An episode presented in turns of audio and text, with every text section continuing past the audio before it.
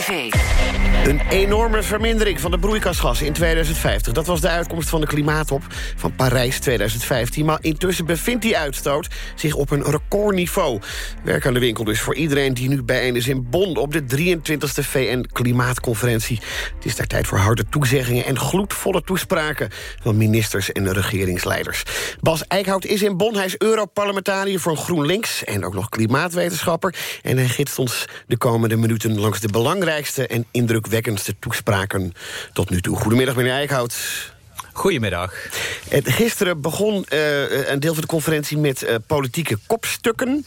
Uh, wie deed de openingstoespraak? Die was bijzonder, geloof ik, hè? Ja, dat is altijd de voorzitter van zo'n klimaattop. Dat roleert altijd elke keer een ander land. En in principe is het dan ook altijd, uh, vindt die klimaattop plaats in dat land. Maar dit keer is de voorzitter, het zijn de Fiji-eilanden.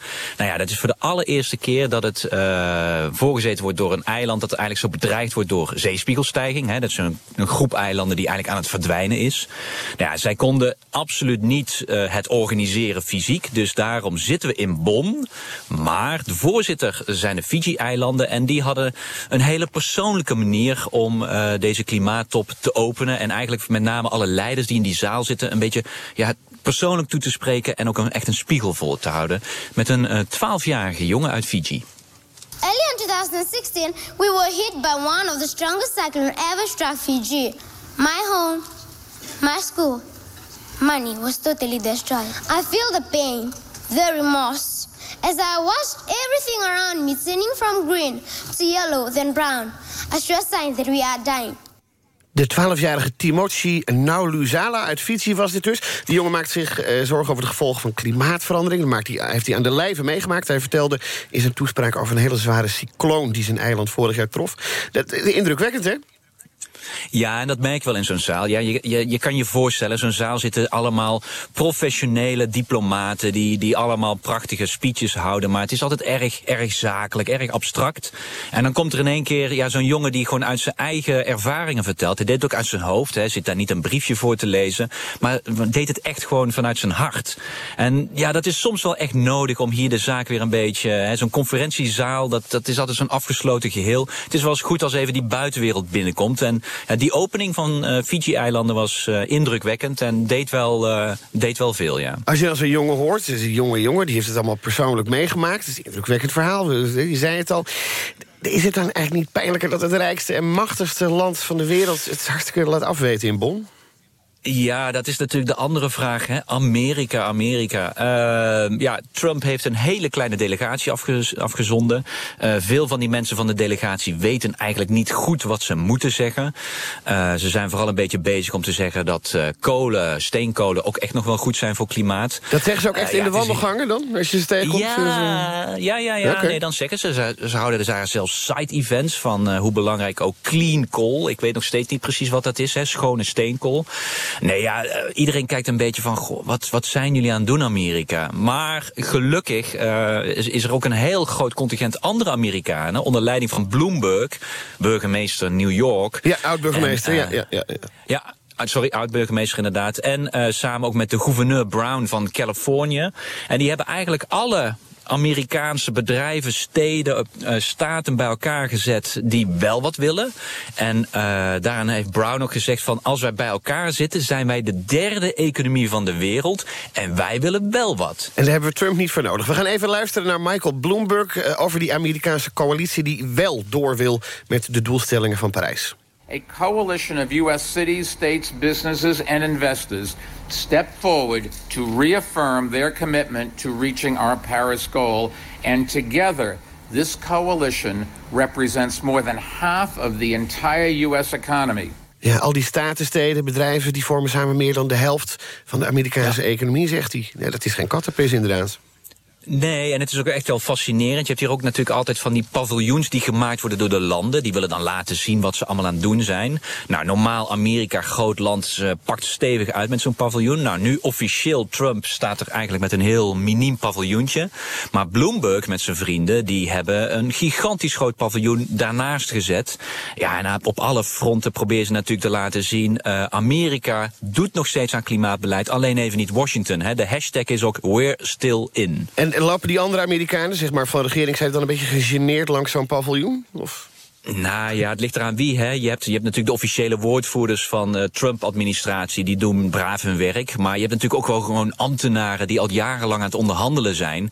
Ja, en als je die gewoon even eerlijk spreekt en, en uh, gewoon hè, off the record... ja, dan, dan schamen ze zich okay. natuurlijk. Want zij hebben jarenlang onderhandeld en nu is hun boodschap eigenlijk... we willen niks. Ja, dat ja. worden ze ook niet vrolijk van. Een van die staten die, uh, die meedoet bij die, uh, ja, die tegenbeweging in Amerika is Californië. Jerry Brown, de gouverneur van Californië, die is ook in Bonn... en u wilde het slot van zijn toespraak nog even laten horen. Dus we gaan luisteren naar Jerry Brown. Do we have a lot of pollutants? Yes. Are we going to stop them today? No. Are we going to stop them in time? Yes, if the America's pledge is picked up by the rest of the country and the rest of the world, which it will. And that's why we're here. We'll get the job done. America, we're here, we're in, and we're not going away. Thank you very much. Hij zegt er zijn veel vervuilers in Californië en Amerika. Dat gaat niet vandaag veranderen, maar het gaat gebeuren. En we gaan het voor elkaar krijgen. Is dit geluid belangrijk ja, ook binnen, om de, binnen de VS te verkondigen? Absoluut, absoluut. Het is natuurlijk een beetje Amerikaans gebracht, hè, van we gaan het doen. Uh, maar wat wel belangrijk is, dat hij ook aangeeft van ja, het is moeilijk. Het is niet hè, heel vaak proberen politici te doen van nou, we gaan het allemaal doen, is geen probleem. Nee, hij zegt het is, het is lastig en tuurlijk zal er verzet zijn, maar we gaan het doen. En ja, die houding, ja, die, die ontbreekt wel eens. En ja, die Amerikaanse schwung uh, zien we nu dan maar op statenniveau en even niet in Washington. Ja, deze Bloomberg en Brown, deze twee Amerikanen en de, hun consorten kregen gisteren ook een mooi compliment van de Duitse bond Bundeskanzler Merkel tijdens haar toespraak. Vor diesem Hintergrund hat sich ja auch in den Vereinigten Staaten von Amerika ein breites Bündnis aus zahlreichen Staaten, Städten und Unternehmen formiert. Ich möchte das sehr begrüßen, denn es unterstreicht die Bedeutung des Klimaschutzes in weiten Teilen der USA. Ze zegt, ja, er is uh, wel degelijk draagvlak in grote delen van de VS. Nou, hartstikke leuk, deze veer in de bips van Merkel. Maar wat betekent het nou verder dat Merkel haar, haar waardering uitspreekt?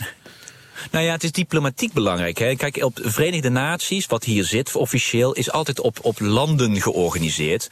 En je, je spreekt dus eigenlijk alleen maar over de hoofdsteden... en de officiële delegaties. Nou ja, dat Merkel in haar officiële toespraak... Hè, opening ook hier in Bonn... eigenlijk gaat zeggen van... het is heel belangrijk dat zij hier zijn. Ja, laat al het succes zien van Bloomberg en Brown... dat ze gewoon al officieel uh, worden opgenomen... en dat men nu overal hier in, in uh, Bonn het heeft over de non-state actors. Dat is dan de VN-taal voor eigenlijk het omarmen van staten en steden. Omdat men weet, die doen op dit moment veel meer dan veel hoofdsteden. Zij erkent, uh, zij legitimeert eigenlijk de, de, de, de groep uh, Amerikanen... die buiten de overheid, buiten de landelijke overheid omgaat. Absoluut, en ja. diplomatiek is dat natuurlijk een, uh, ja, is dat een tikje naar Trump. Ja. Presenteerde Merkel zelf eigenlijk nog belangrijke nieuwe plannen in haar speech? Ja, dat het, zeg maar, het complimenteren van die steden in Amerika was haar uh, sterkste punt. Want ze zit natuurlijk zelf heel moeilijk. Ze zit midden in coalitieonderhandelingen. Ja. Uh, die gaan dit weekend waarschijnlijk tot een soort van conclusie leiden. Ja, ze kan dus niet zoveel zeggen. Uh, de Groenen zitten aan tafel. Die willen natuurlijk meer. heel groot debat over wat gaan we doen met kolen, steenkolen. waar Duitsland nog veel van heeft. Maar aan de andere kant haar Bayerse zusterpartij CSU wil niks. de FDP, de liberalen willen niks. Dus ja, Merkel moest een beetje balanceren tussen die partijen. Omdat ze weet, alles wat ik hier zeg gaat ergens verkeerd vallen aan de onderhandelingstafel. En dat leidde verder dus tot een ja, toch wel teleurstellende speech van Merkel. Ja, ja ze is een beetje nog met, met handen gebonden. Die coalitieonderhandelingen die stipte ze ook nog even aan in haar toespraak. Und gerade in den anstehenden Gesprächen zur Bildung einer neuen Regierung spielt diese Frage in diesen Tagen eine zentrale Rolle. Und da geht es auf der einen Seite um die Erfüllung dessen, was wir uns vorgenommen haben. Da geht es aber auch um soziale Fragen und Arbeitsplätze. Und da geht es auch um die Wirtschaftlichkeit, das heißt die Bezahlbarkeit von Energie. Belangrijk thema, zegt ze, ook in die onderhandelingen. Maar ook, ja, aan de ene kant uh, wil je die klimaatdoelen halen. Maar aan de andere kant zit je natuurlijk met de werkgelegenheid. Als je bijvoorbeeld een streep zet door die hele kolenindustrie. En energie moet ook nog betaalbaar blijven voor de, de gewone man. Die ze uh, Otto Normaalverbruiker noemen in Duitsland, geloof ik. Ja, daar valt ook ja. wat voor te zeggen. Ja, natuurlijk. Als groen politicus zal ik zeggen dat dat allemaal niet tegengesteld aan elkaar hoeft te zijn. Ja, maar, ja, maar u bent goed, nu een beetje mijn reporter daarbuiten, daar. Daarbuiten inderdaad. Ja, ja. buiten, buiten dat verhaal is het duidelijk. Wat ze daar doet is echt proberen alle coalitie, mogelijke coalitiepartners even nog tevreden houden. En ze, ze bleef dus daarmee op de vlakte. En ze, je hoort haar eigenlijk gewoon zeggen: uh, we gaan wel wat doen, we komen eruit, maar ik weet nog niet precies hoe. En we gaan rekening houden met al deze facetten. Ja, dat is mooi om te horen, maar is natuurlijk hier in Bonn nou niet iets waar, waar mensen denken van: god, hier vlamde Duitsland. Nee, nog geen vlucht naar voren van uh, mevrouw Merkel. Nee. Maar toen was nee, de Franse... ook niet onbekend. Nee, nee, dat is waar. Het is heel behoed, behoedzaam altijd. Maar toen was de Franse president Macron aan, uh, aan de beurt. Hoe was zijn toespraak? Ja, hij heeft een iets wat makkelijker politiek systeem in Frankrijk. Uh, hij heeft gewoon een grote meerderheid in het parlement. Hij is president voor de komende vijf jaar. Dus hij kon uh, vrij uitspreken. En uh, ja, hij ging er ook volop. Ja, dus hij houdt van aanpakken. Want hij nodigde ook meteen iedereen uit. Landen, bedrijven, Ernst, Bobby en de rest... om in december naar Parijs te komen. On souhaitait porter pour le 12 décembre prochain à Paris... pouvoir nous réunir et mettre en évidence les premiers résultats concrets, les premières perspectives à venir et surtout mobiliser les financements publics et privés qui permettront de le faire. Samen in Parijs, zei Macron zijn toespraak, overheden en private partijen. Dan gaan we het doel wel bereiken. Is dit het leiderschap dat Europa nodig heeft op dit vlak?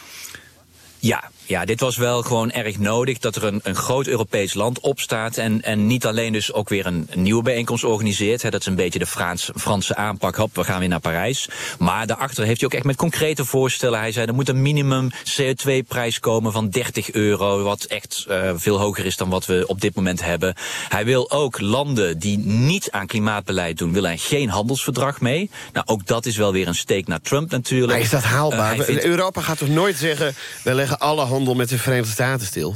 Dat is toch een utopie? Nee, maar een, een, nee, dat niet. Maar wel een handelsakkoord, hè, waar we wel eens wat vaker over gesproken hebben. Dat hij vindt dat dat handelsakkoord niet tegengesteld mag zijn aan de klimaatdoelstellingen. Nou ja, dat soort zaken. Het is wel erg prettig dat een, een, een groot leider in Europa die link nu legt. Want ook binnen Europa heb je heel vaak heb het over klimaatbeleid enerzijds. Maar dan gaan we met handelsbeleid en ons ander beleid mm.